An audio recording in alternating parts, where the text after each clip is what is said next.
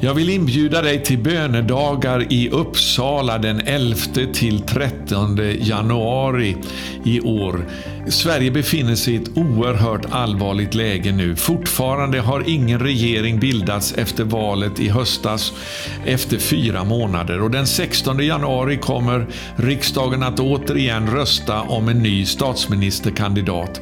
Om ingen kandidat har vunnit förtroende i riksdagen senast den 24 januari så kommer det att utlysas extraval i Sverige.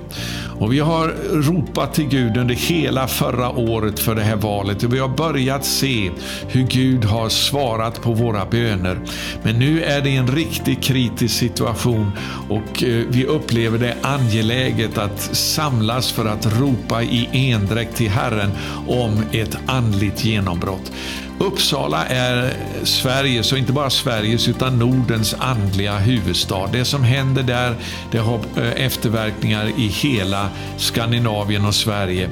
Så därför så ska vi samlas nu för att eh, speciellt inrikta oss på tre saker under de här dagarna. Det första är Uppsala möte som hölls 1593. Det var då som reformationen eh, bekräftades och stadfästes i Sverige efter en tid utav Eh, Eh, osäkerhet och Sverige var på väg att falla tillbaka igen under katolska kyrkan efter Gustav Vasa.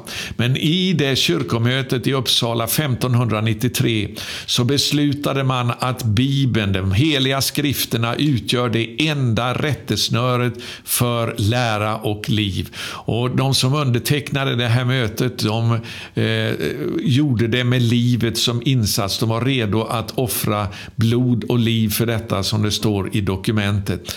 Inom 50 år ifrån det här kyrkomötet så hade Sverige förvandlats ifrån att ha varit en obetydligt eh, land vid en avkrok i Europa till att bli en av Europas stormakter som fick vara med om att rädda reformationen i hela Europa och faktiskt påverka hela världshistorien genom den västfaliska freden 1648.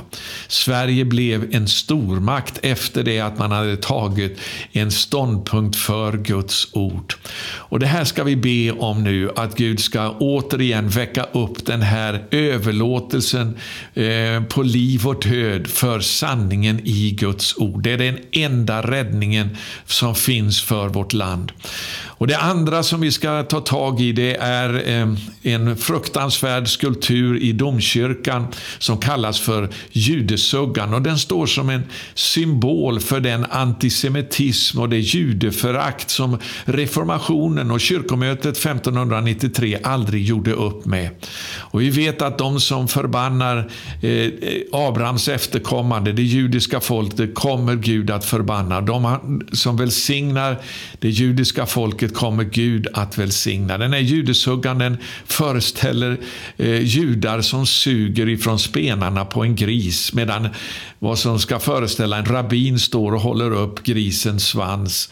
Eh, det här är en fruktansvärd hädisk sak som finns i Uppsala domkyrka, alltså bara några meter ifrån högaltaret. Och det, det är som en symbol för det här judeföraktet och antisemitismen som har varit som en boja över Sverige i, en, i tusen år kan man säga.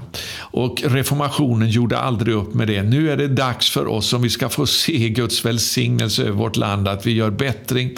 Vi omvänder oss från fortfarande här och be att Gud ska befria kristenheten i Sverige ifrån all antisemitism och allt judeförakt. För det tredje sedan så ska vi också eh, be utifrån det som hände när påven sedan kom på besök för första gången i historien till Sverige 1989 och höll en mässa vid Uppsala gamla högar. En sten restes till det minnet som kallas för påvestenen och från den stunden så har katolska kyrkan börjat att återerövra svensk kristenhet. Och det här har öppnat en dörr till ett avfall i Sveriges kristenhet som är oerhört allvarligt. Och det här måste vi ta tag i i bön om vi ska få se Sverige vända om och blir, bli en välsignad nation som välsignar Israel. Så välkommen till Uppsala de här dagarna. Gör allt du kan för att komma och vara med. Vi kommer att hålla till i Vaksala skolans aula i centrala Uppsala. Eh, på dagarna så blir det ledarsamlingar för pastorer och andliga ledare. Och eh, Det här är oerhört kritiska dagar nu för Sverige. Så om du inte kan komma till Uppsala så kan du vara med oss live på Facebook eller Youtube. Vi kommer att sända de offentliga kvällssamlingarna eh, med live över internet. Så gå till min hemsida larsenarsson.com där du kan se hur, eh, lite mer detaljer hur programmet ser ut och eh, där det också finns tips på bra logi som du kan skaffa billigt under de här dagarna i Uppsala.